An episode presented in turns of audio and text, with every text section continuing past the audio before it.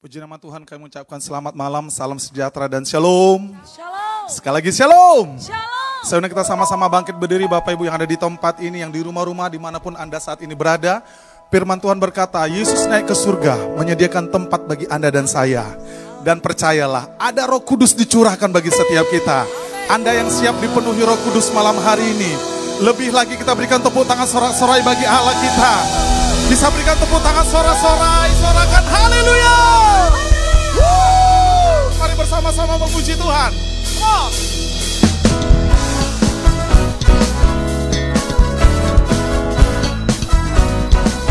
Firman Tuhan berkata di 1 Korintus 2 ayat 9, apa yang tidak pernah kita lihat, apa yang tidak pernah timbul dalam hati Tuhan sediakan.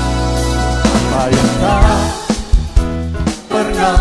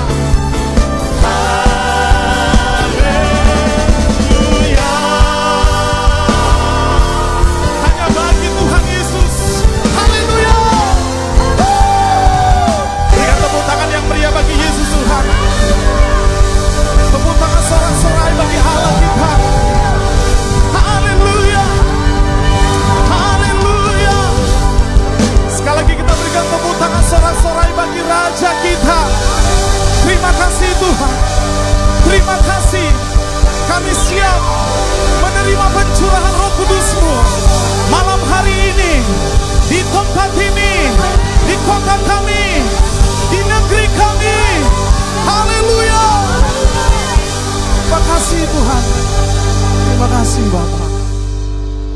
Mengalirlah kuasa Roh Kudus.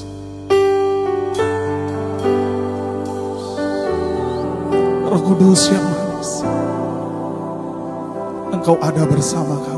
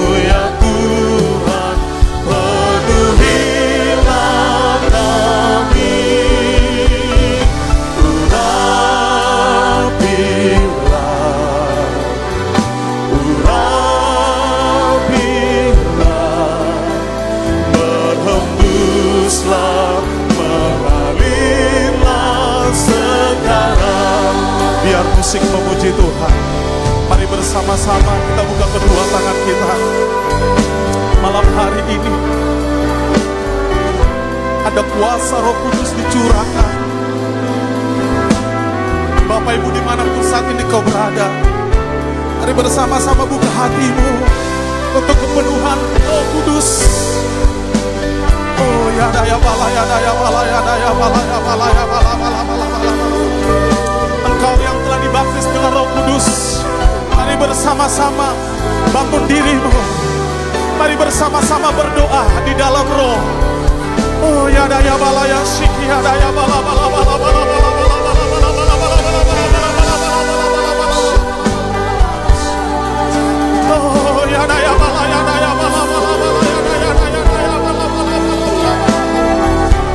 biarkanlah api roh kudusmu memenuhi gerejamu, memenuhi setiap pribadi. Oh ya daya balaya bala ya daya bala, bala, bala, bala, bala, bala, daya bala, bala, Oh ya daya bala, bala, bala, bala, bala, bala, bala, bala, bala, Mari kita angkat tangan kita sekali lagi di hadapan Tuhan. Doa kita urapilah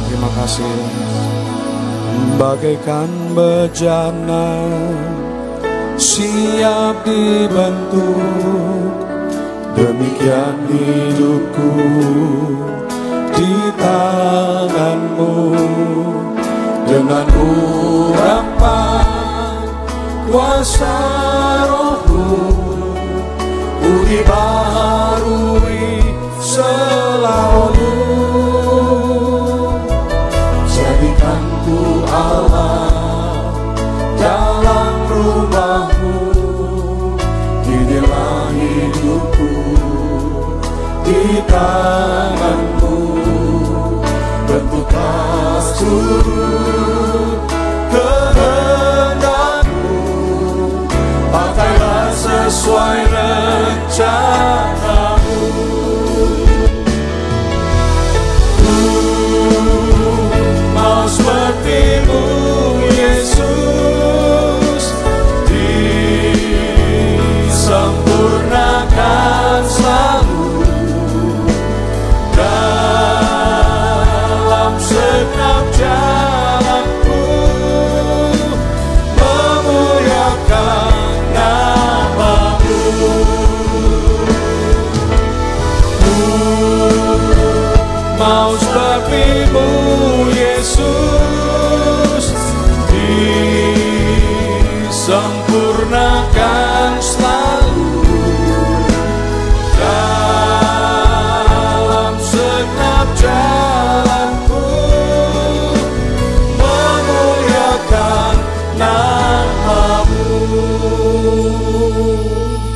kasih Bapak kami hadir di tempat ini karena kami rindu mengalami perjumpaan dengan Tuhan. Mengalami lawatan roh kudus. Memperbaharui hati kami kembali. Sehingga terjadi sebuah kehidupan rohani, spiritualitas yang baru. Mulai dari malam hari ini dan seterusnya. Pengurapan Tuhan hinggap di atas kami semua. Dan kami terus berjalan dalam kuasa-Mu Tuhan. Terima kasih Bapak berkati ibadah pencurahan roh kudus pada malam yang pertama ini. Dan selanjutnya hamba berdoa untuk setiap malam beberapa hari ke depan ini. Sepanjang satu minggu ini kami dedikasikan waktu, tempat, ibadah, pelayanan kami semuanya. Menjadi sesuatu yang yang harum dan berkenan kepada Tuhan. Thank you Jesus. Bapak terima kasih Bapak. Tolong kami semuanya baik yang dengar maupun hambamu yang menyampaikan firmanmu pada malam hari ini diurapi oleh Tuhan. Terima kasih Bapak dengan ucapan syukur dalam nama Tuhan Yesus kami berdoa. Bersama-sama kita berkata, Amin. Haleluya. Mari kita beri kemuliaan kepada Tuhan. Amen. Yes. Silakan duduk Bapak Ibu Saudara sekalian. Shalom, apa kabar? Senang bisa berjumpa kembali pada ibadah yang sangat istimewa dalam uh, satu minggu ke depan ini. Baik kita yang hadir di gereja dalam ibadah on-site, maupun bagi Bapak Ibu dan saudara-saudara sekalian yang mengikuti ibadah ini dari rumah, di tempat masing-masing, bahkan mungkin berada di tempat istirahat, mungkin sakit dan lain sebagainya. Biarlah beberapa hari ini ada kuasa Tuhan yang luar biasa menjamah kita semua, menyembuhkan kita, dan memulihkan keadaan kita. Amin saudara. Ya, hari ini adalah opening dari ibadah pencurahan roh kudus. Dan saya percaya beberapa hari ke depan ini ada hal-hal yang semakin dalam akan disampaikan oleh para hamba Tuhan, para gembala kita, yang saya percaya pasti sangat berguna. Saya ingat persis tahun lalu ada juga Holy Ghost meeting seperti ini, dan itu juga di tengah-tengah baru mulainya strikingnya uh, pandemik COVID-19. Dan ternyata sampai hari ini kita masih berada di tengah-tengah pandemik COVID-19 dan malam hari ini kita masih mengadakan ibadah pencurahan Roh Kudus eh, di masa pandemik dengan terbatas sekali dengan jumlah yang hadir dan yang ada di luar yang menyaksikan secara online. Saya percaya ini akan menjadi sebuah eh, jamahan dan pengalaman Tuhan yang baru. Mari kita betul-betul membuka hati kita. Apa yang tertulis di dalam Alkitab, apa yang terjadi pada masa Pentecost yang pertama, yang yang ada di dalam kitab kisah para rasul, yang penuh dengan keajaiban, mujizat yang luar biasa. Itu biarlah menjadi pengalaman kita semuanya. Pada malam hari ini, eh, tema yang saya berikan adalah The Messengers of Pentecost and New Spiritual Dimension, yaitu kita sebagai duta-duta Pentakosta dan juga melalui ibadah pencurahan Roh Kudus ini kita mengalami new spiritual dimension. Ada dimensi-dimensi spiritual yang baru yang turun dan mengubah kehidupan kita. Bapak Ibu Saudara-saudara, tentu sudah sering bertahun-tahun kita mengikuti ibadah seperti ini. Jadi hanya sekedar reminding saja untuk kita mengingatkan kita bahwa uh, perayaan Pentakosta itu adalah sebuah perayaan yang sangat uh, terkenal sekali di kalangan gereja-gereja Tuhan maupun yang tertulis di dalam masa uh, kitab suci kita pada masa Alkitab, baik itu di dalam Perjanjian Lama, ada makna yang terkandung di dalam uh, kata Pentakosta gaya Perjanjian Lama. Kemudian di seberang sini Perjanjian Baru juga mempunyai pengertian yang signifikan tentang arti Pentakosta. Tetapi ternyata kita ini sebenarnya kalau kita bicara kitab suci, Alkitab, sebenarnya ada tiga zaman. Ada zaman perjanjian lama, lalu di tengah-tengah itu yang disebut dengan masa kegelapan itu, di situ ada sebuah masa, sebuah periode yang namanya intertestamental period. Di kalangan Protestan, istilah intertestamental period ini sangat dikenal. Di situ hidup komunitas rohani yang bernama Qumran. Qumran Community. Itu di tengah-tengah itu saudara. Orang Katolik, saudara-saudara kita, dari Roma Katolik itu tidak menyebut intertestamental period. Tapi mereka mempunyai istilah adiotrokanonika period. Jadi istilahnya beda. Tapi sebenarnya bicara hal yang sama. Bicara kumran. Jadi kalau kita bicara Pentakosta, itu dikenal di dalam masa perjanjian lama. Lalu Kumran Community juga mengakui Pentakosta, Roh Kudus sebagai yang memberikan uh, penyucian hidup. Itu di Qumran Community. Menyucikan, kehadiran Roh Kudus menyucikan. Lalu tentu perjanjian baru yang sangat populer sekali. New Testament Bible kita itu sangat terkenal. Jadi saudara, uh, pada malam hari ini uh, kita lihat bahwa ada yang namanya the significance of Pentecost bahwa perayaan Pentakosta itu merupakan sesuatu yang sangat signifikan. Dikenal di Perjanjian Baru sebagai perayaan turunnya Roh Kudus kepada para rasul dan kepada para pengikut Yesus Kristus lainnya. Itu di dalam Perjanjian Baru.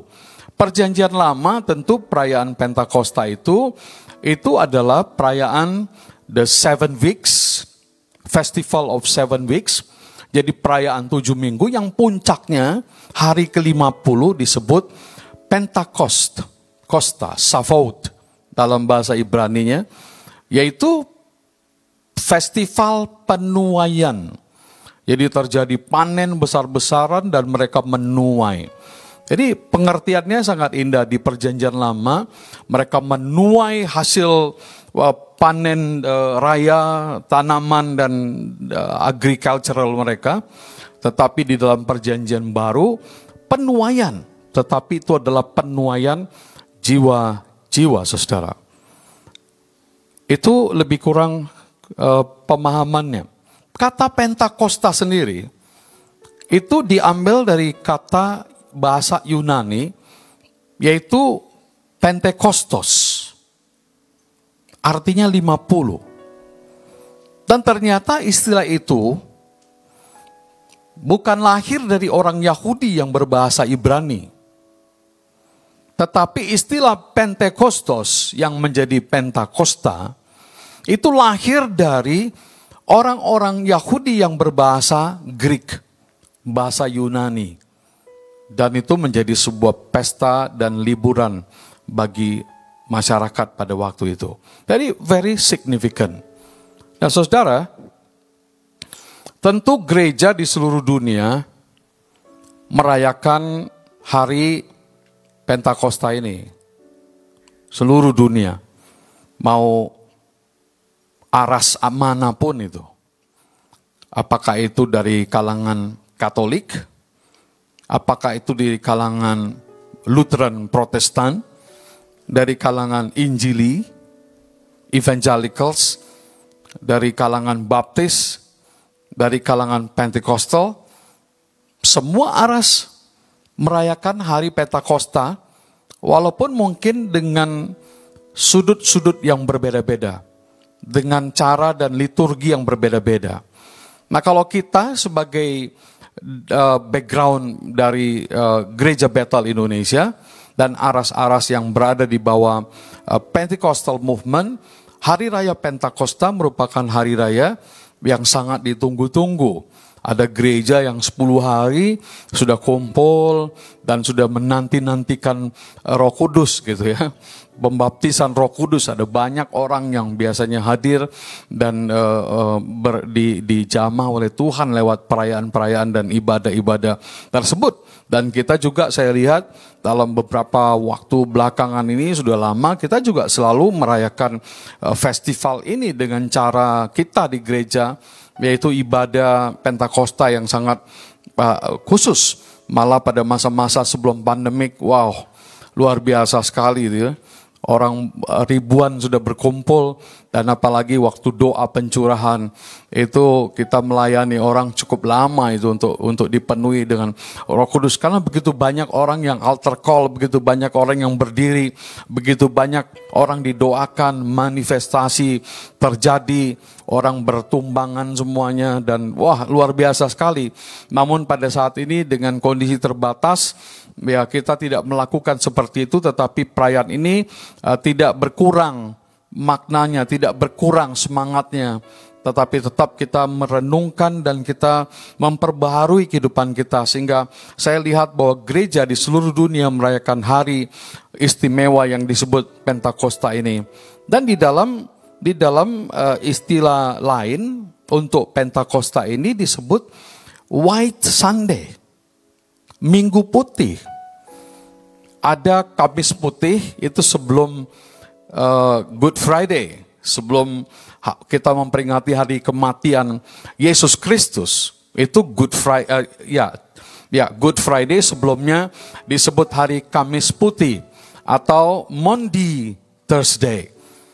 Ya, kita dalam waktu ini khususnya dalam bulan pasca kemarin ada banyak talk show ya Nah saya sendiri dapat giliran untuk menjelaskan uh, di talk show yang bicara tentang Kamis Putih di Gereja uh, Protestan Indonesia bagian Barat, GPIB.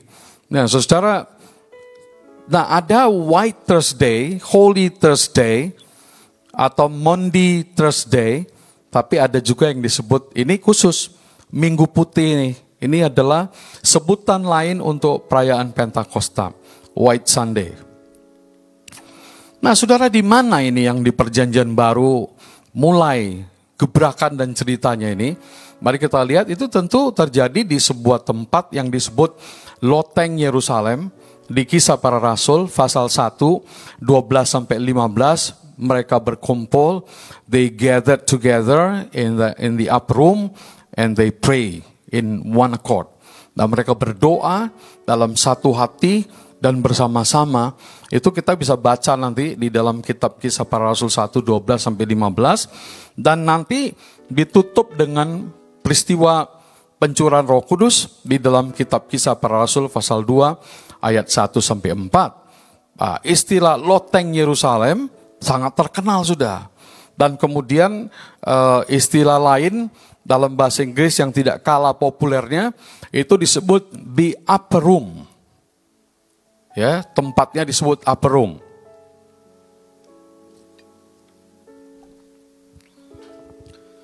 Bahkan ruangan upper room ini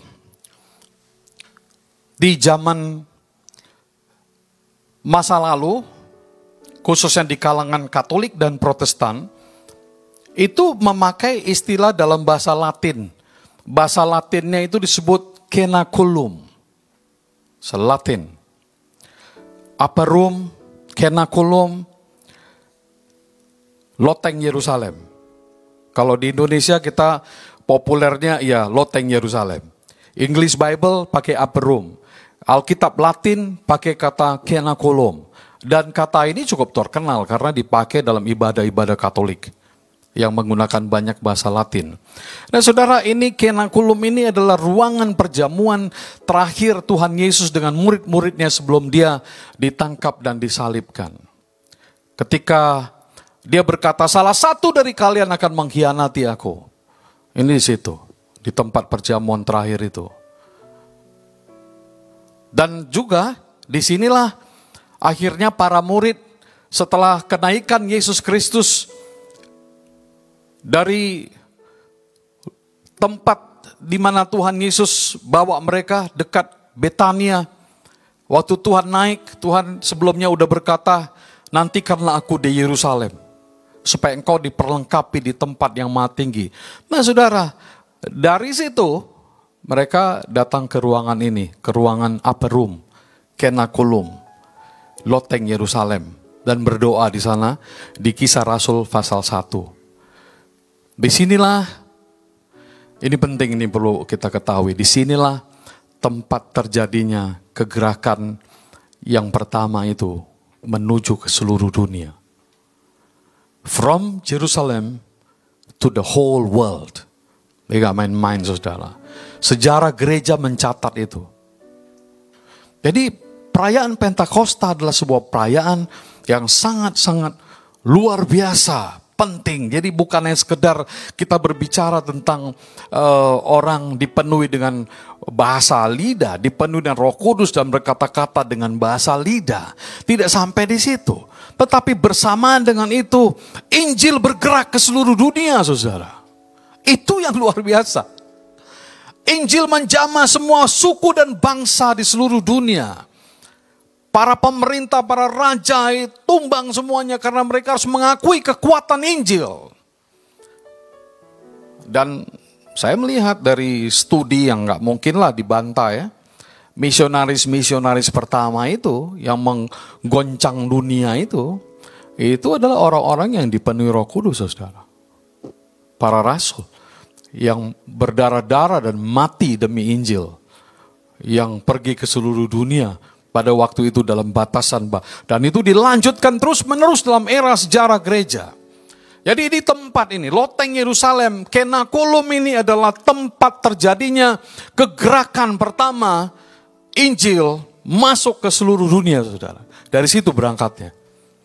Dan diutus dengan doa, diutus dengan integritas, diutus dengan doa bersama, dengan hati yang bersama, dengan unity, one accord, Oh hebat, itu saya pikir sebuah dimensi spiritualitas yang jangan sampai hilang dari hidup kita.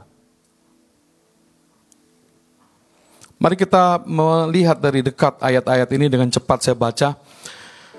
Kisah para Rasul 1, 12, 15 berkata, Maka kembalilah, ini dia, Rasul-Rasul itu ke Yerusalem dari bukit yang disebut Bukit Zaitun, yang hanya seperjalanan sabat jauhnya dari Yerusalem. Jadi direct Yesus naik ke surga, mereka nggak ke mana-mana, mereka langsung ke Kenakulum, loteng Yerusalem. Setelah mereka tiba di kota, naiklah mereka ke ruang atas. tempat mereka menumpang. Mereka itu ialah Petrus, Yohanes, Yakobus, Andreas, Filipus, Thomas, Bartolomeus, Matius, Yakobus bin Alfius, Simon orang Zelot dan Yudas bin Yakobus. Kemudian ini, mari kita hidupkan kembali spirit yang kayak gini. Yaitu mereka semuanya bertekun dengan sehati dalam doa bersama-sama dengan beberapa perempuan serta Maria ibu Yesus dengan saudara-saudara Yesus. Dan pada hari-hari itu berdirilah Petrus di tengah-tengah saudara-saudara yang sedang berkumpul itu kira-kira 120 orang banyaknya. Dan the story goes on. Ya, saya pikir kita nggak usah ikut uh, meneruskan itu. Tapi ini dia saudara, peristiwa itu. Dan sekarang kita perlu menyaksikan yang berikutnya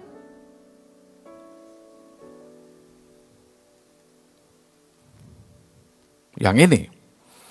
Kisah Rasul pasal 2. Inilah puncaknya ini. Setelah berdoa beberapa hari, lebih kurang 10 hari itu, dalam doa yang sungguh-sungguh semangat, nah ini sekarang tiba di uh, fulfillmentnya, penggenapannya. Yaitu kisah Rasul pasal 2 ayat 1 sampai 4 saja kita baca. Ketika tiba hari Pentakosta, itu hari ke-50 tadi. Semua orang percaya berkumpul di satu tempat. Lalu saya suka kata-kata ini, ayat ini, ayat 2. Tiba-tiba ini, suddenly. Emang, gak ada orang yang bisa memprediksi kerja roh kudus, saudara.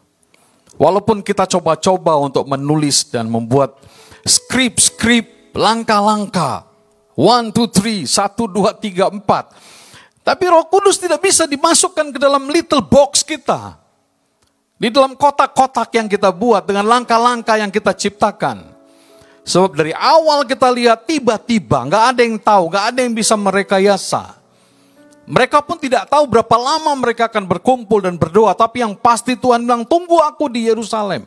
Nantikan aku di Yerusalem.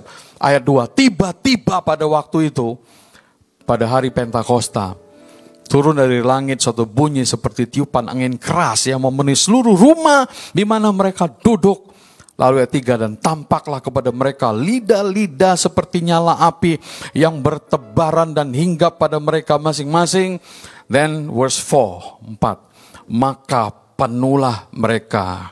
Dalam bahasa Inggris berkata, they were all filled with the Holy Spirit.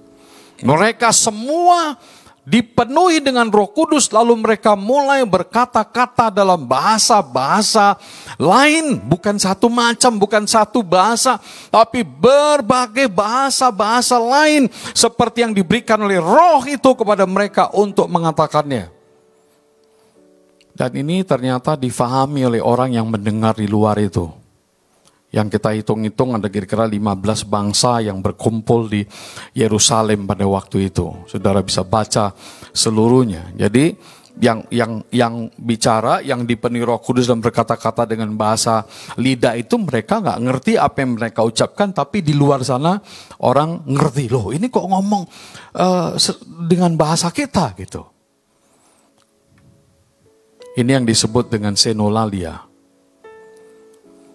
saya berbahasa lidah yang saya tidak faham, tidak mengerti kecuali kalau Roh Kudus menunjukkannya, menyatakannya.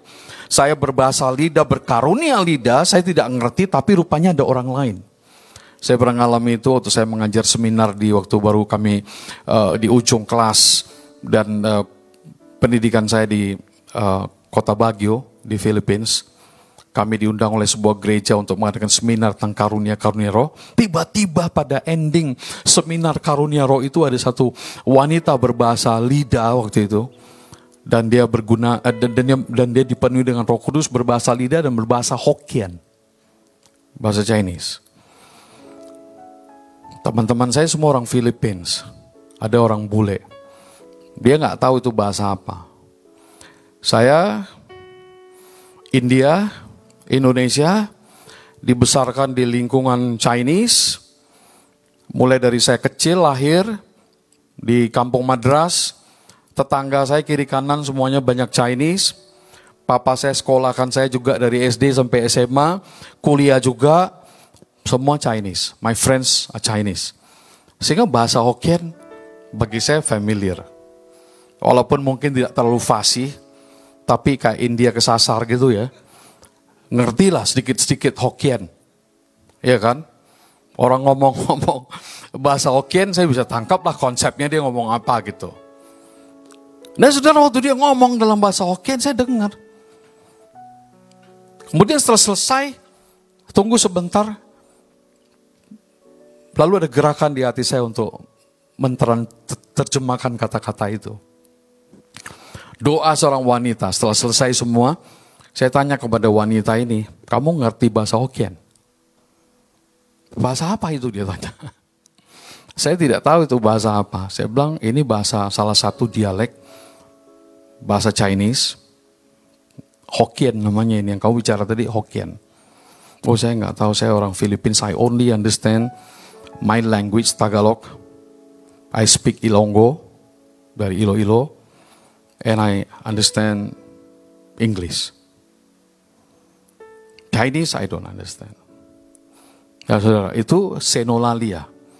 Dia ngomong, orang lain yang ngerti, dia nggak ngerti. Nah ini yang terjadi di kisah Rasul pasal 4, pasal 2. Baik, saya mempelajari ada lima pencurahan roh kudus di perjanjian baru di uh, tertulis. Satu, kisah para rasul pasal 2 terjadi di Yerusalem. Di pasal 4 ada ulangannya. Kemudian yang kedua ada kisah para rasul pasal 8 di Samaria. Kemudian yang ketiga ada kisah para rasul pasal 9 di Tarsus, ini untuk Paulus. Kemudian yang keempat terjadi di Kaisaria, di dalam kitab kisah rasul pasal 10, 44 sampai 46, yang di keluarga Cornelius, tidak tumpang tangan, sambil dengar khotbah aja mereka dipenuhi dengan roh kudus. That's very biblical. Jadi hari ini di mana pun saudara duduk, nggak usah kita datang tumpang tangan lagi. Saudara buka hati berdoa, saudara akan berkata-kata dengan bahasa yang baru itu. Kemudian yang kelima tadi, ini terjadi 25 tahun setelah Pentakosta yang terjadi di Yerusalem. Yaitu di Efesus, pasal 19. Nah ini mari kita baca-baca lagi ya. Nah saudara dari sini saya pelajari bahwa dari Yerusalem, Injil bergerak seluruh dunia. Pada abad yang keempat, kekaisaran Romawi, Kaisar Konstantinus itu menerima kekristenan sebagai agama resmi Romawi. Mamanya yang bernama Ratu Elena, mamanya Konstantinus ini, memerintahkan anaknya untuk membangun gereja kelahiran di Bethlehem. Nativity itu. Dan gereja makam kudus di Yerusalem. Bergerak lagi abad kelima, kepausan gereja katolik berkembang di Eropa. di uh, Dan gereja-gereja ortodoks berkembang di Timur Tengah dan Asia Kecil. Injil nggak berhenti saudara, gereja mengalami perjalanan panjang sampai terjadi peristiwa kolosal penaklukan tanah perjanjian yang dikenal dengan perang salib pada tahun 1906. Berhenti di situ. Perang salib 1906 meledak Azusa Street, Seymour saudara. Itu hebatnya. ya, William Seymour. Kegerakan yang luar biasa. Kemudian dilanjutkan dengan sejarah reformasi yang dilakukan oleh tokoh-tokoh gereja protestan. Seperti Martin Luther, Johannes Calvin, John Knox dari Skotlandia. Yang berdoa, John Knox seorang pendoa yang luar biasa. Melihat keadaan negaranya yang suram, buram, kekristenan mati dan tidak ada kegairahan, tidak ada revival. John Knox berlutut berdoa dan bahkan diceritakan dalam kisah John Knox tempat kayu di mana dia berlutut berdoa sampai ada bekas jejak dua lututnya itu. Wah itu doanya gimana itu?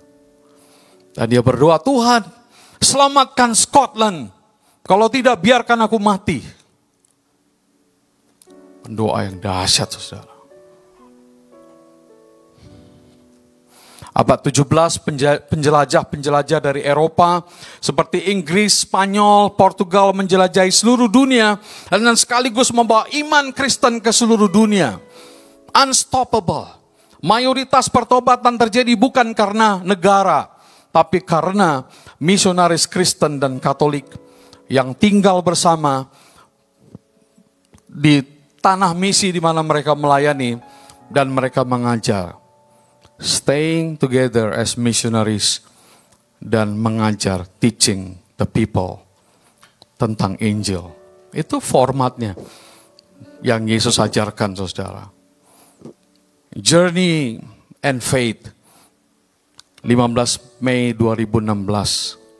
Oke, beberapa hal yang ini sudah biasa kali. Dampak ketika Roh Kudus memenuhi kita adalah terjadi new spiritual dimension. Gembala kita memberikan arahan kepada kita tentang new spiritual dimension sejak hari kenaikan. Nah Yohanes 16, 13, 14 kalau roh kudus apabila ia datangnya itu roh kebenaran. Ia akan memimpin kamu ke dalam seluruh kebenaran dan seterusnya. Ada sebuah dinamika yang baru. Karena apa? Kita mulai terbuka hati, terbuka mata untuk ada di dalam kebenaran. Manusia lama, manusia daging, manusia natural, manusia duniawi hilang ketika dimensi yang baru, kuasa roh kudus ini turun. Roh kebenaran ini menerangi hati kita.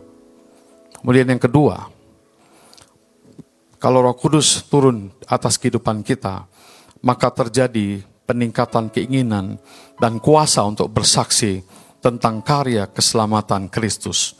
New effectiveness in witnessing. Kita akan menjadi orang-orang yang efektif. Kisah Rasul 4, 31, 33 berkata, sedang berdoa, goyanglah tempat mereka berkumpul dan mereka semua penuh roh kudus. Lalu mereka memberitakan firman Allah dengan berani. Dengan kuasa yang besar, rasul-rasul memberi kesaksian tentang kebangkitan Tuhan Yesus dan seterusnya. Yang ketiga, mereka menerima kuasa untuk melayani. Ada power for service. Ada new anointing. Kesembuhan terjadi di pintu gerbang di depan bait suci ketika Petrus dan Yohanes mendoakan seorang lumpuh Alkitab berkata seketika itu juga kuatlah kakinya, mata kaki orang itu. Ia meloncat berdiri, lalu berjalan kian kemari dan mengikuti mereka dalam keadaan di ke dalam bait Allah. Berjalan melompat. Ini begitu spesifik karena Lukas seorang dokter. Lukas yang tulis kisah para rasul. Dia medical person. Jadi dia catat kesembuhan itu yang dia catat kuatlah kakinya, mata kaki orang itu dia berjalan. Ini sebuah terminologi seorang dokter menulisnya ya saudara. Dan kemudian kita lihat ada ayat lagi yang berkata, rasul-rasul mengadakan begitu banyak tanda mujizat, banyak orang ya. Semua orang percaya yang selalu berkumpul dan seterusnya kalau Anda baca, wah, mujizat di mana-mana, gempar di mana-mana Saudara. Power evangelism. Yang keempat, Roh Kudus membangun karakter karakter yang baru.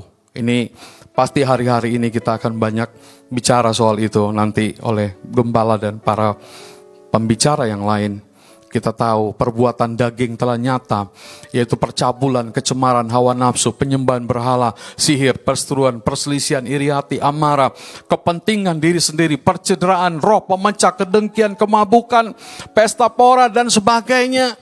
Terhadap semua itu kuperingatkan kamu seperti yang telah kubuat dahulu, bahwa barang siapa melakukan hal-hal demikian, ia tidak akan dapat bagian dalam kerajaan Allah.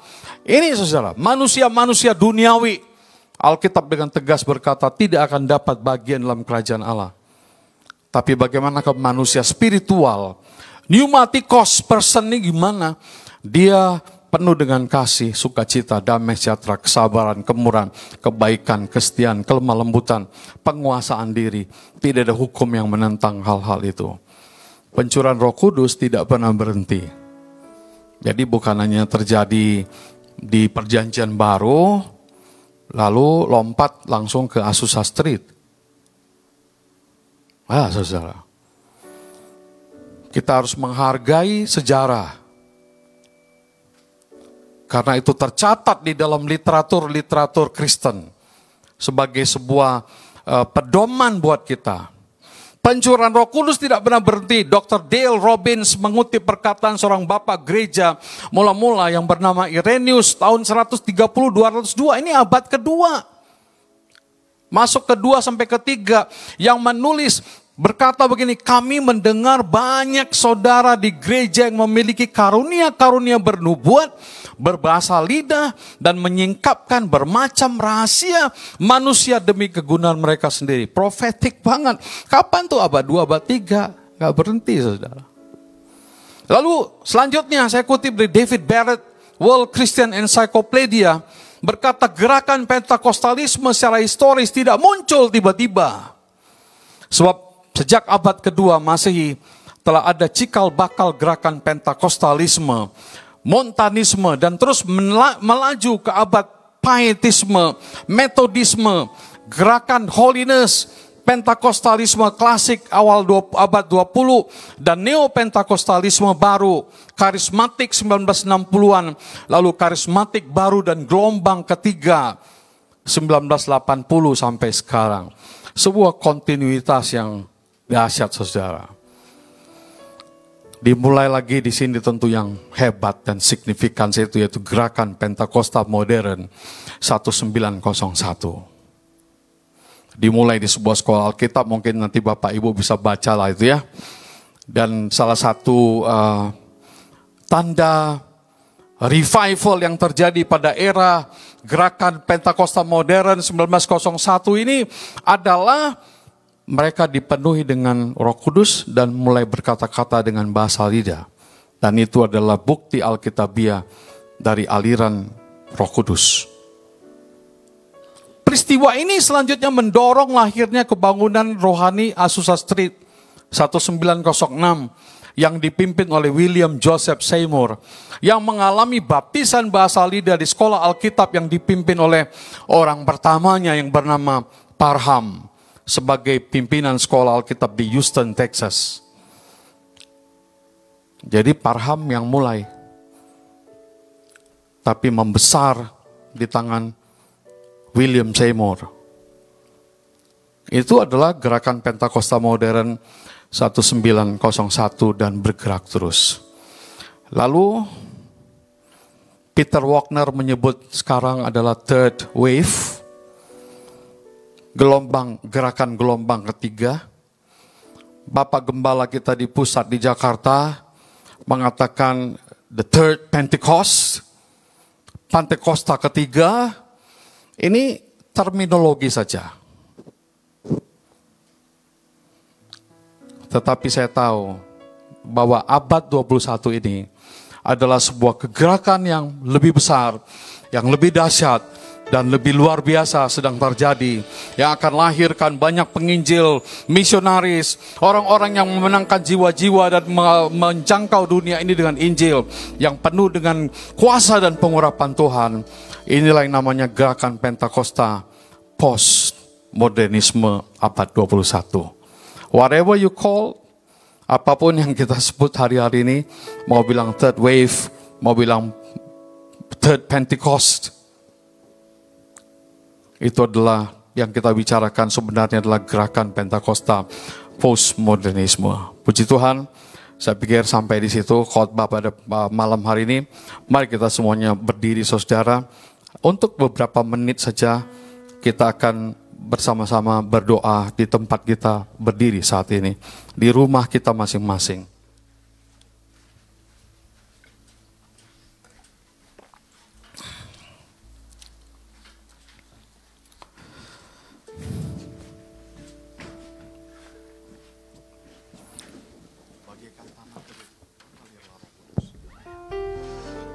Mari kita buka hati kita saudara untuk beberapa menit yang singkat saat ini kita akan uh, mohon pengurapan Tuhan, pembaruan dari Tuhan, new spiritual dimension, ada pengurapan Tuhan yang baru dan kita berdoa supaya pelayanan kita di abad 21 ini menjadi sebuah pelayanan yang luar biasa dipakai oleh Tuhan di tengah-tengah pandemik 19 eh, ini Tuhan tetap mengurapi dan memberkati kita. Mari kita angkat pujian ini sebagai doa kita. Bagikan tanah kering yang merindukan air. Bagaikan tanah kering yang merindukan air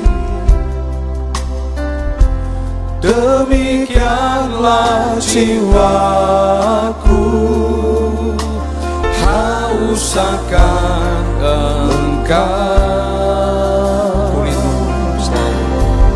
Ku rindu selalu. Hadirmu di hidupku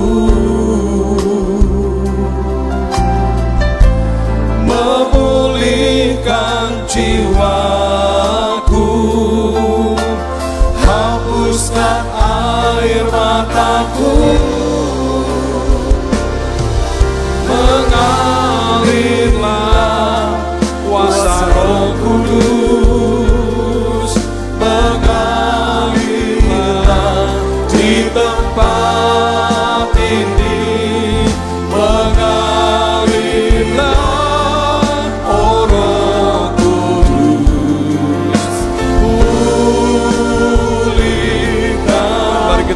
tangan kita Katakan sekali lagi Mengalirlah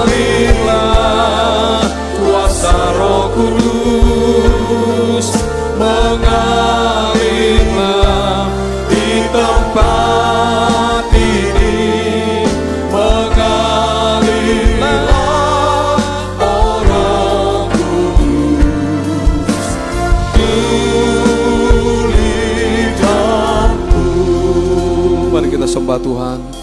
Oh haleluya.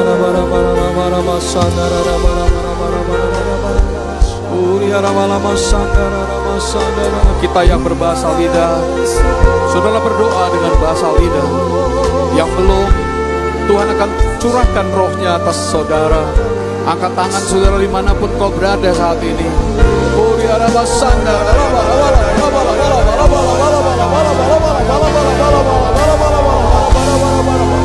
Oh haleluya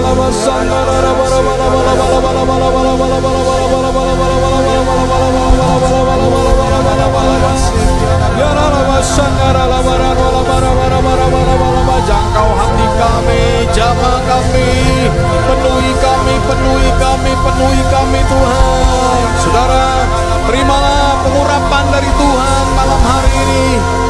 Kau yang berada di rumah yang sedang ikut berdoa bersama dengan kita. Tuhan ada di sana. Tuhan jamah Anda.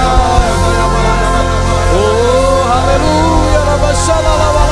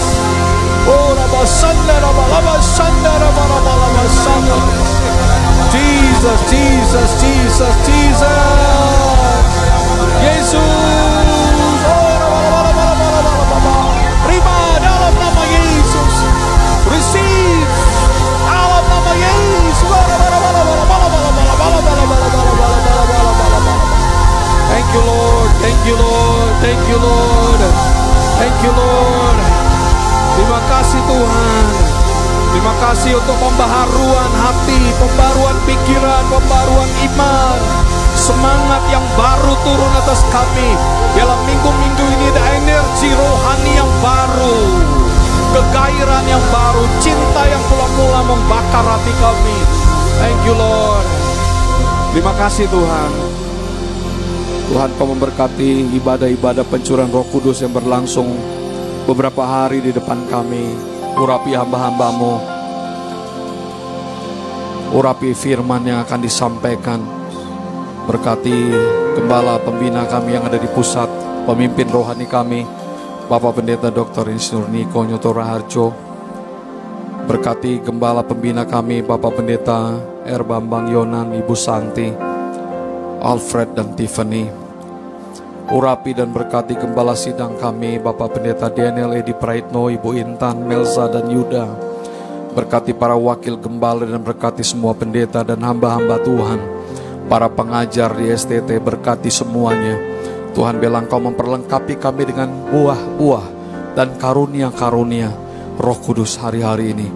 Sesuatu yang mungkin lama tertinggal, biarlah kembali membara di hati kami. Api yang baru, api yang baru, fire yang baru turun atas kami semuanya.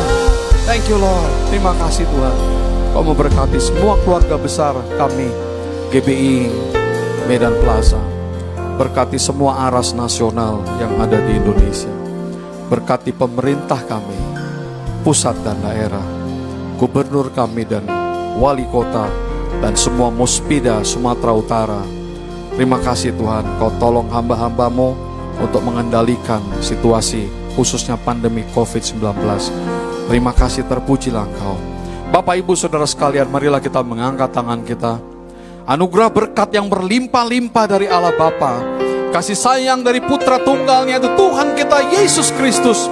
Dan di dalam persekutuan roh kudus menyertai kita sekalian. Mulai hari ini sampai selama-lamanya. Mari kita semuanya percaya diberkati bersama-sama berkata. Amin. Haleluya. Thank you.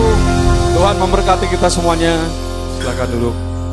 Sebagai pengumuman bagi Bapak Ibu, besok masih ada ibadah pencurahan roh kudus di hari kedua. Kami mengundang Bapak Ibu boleh hadir di tempat ini, bahkan Bapak Ibu boleh menyaksikan di live streaming di media sosial keluarga besar GBI Medan Plaja. Selamat malam, Tuhan Yesus memberkati. Shalom!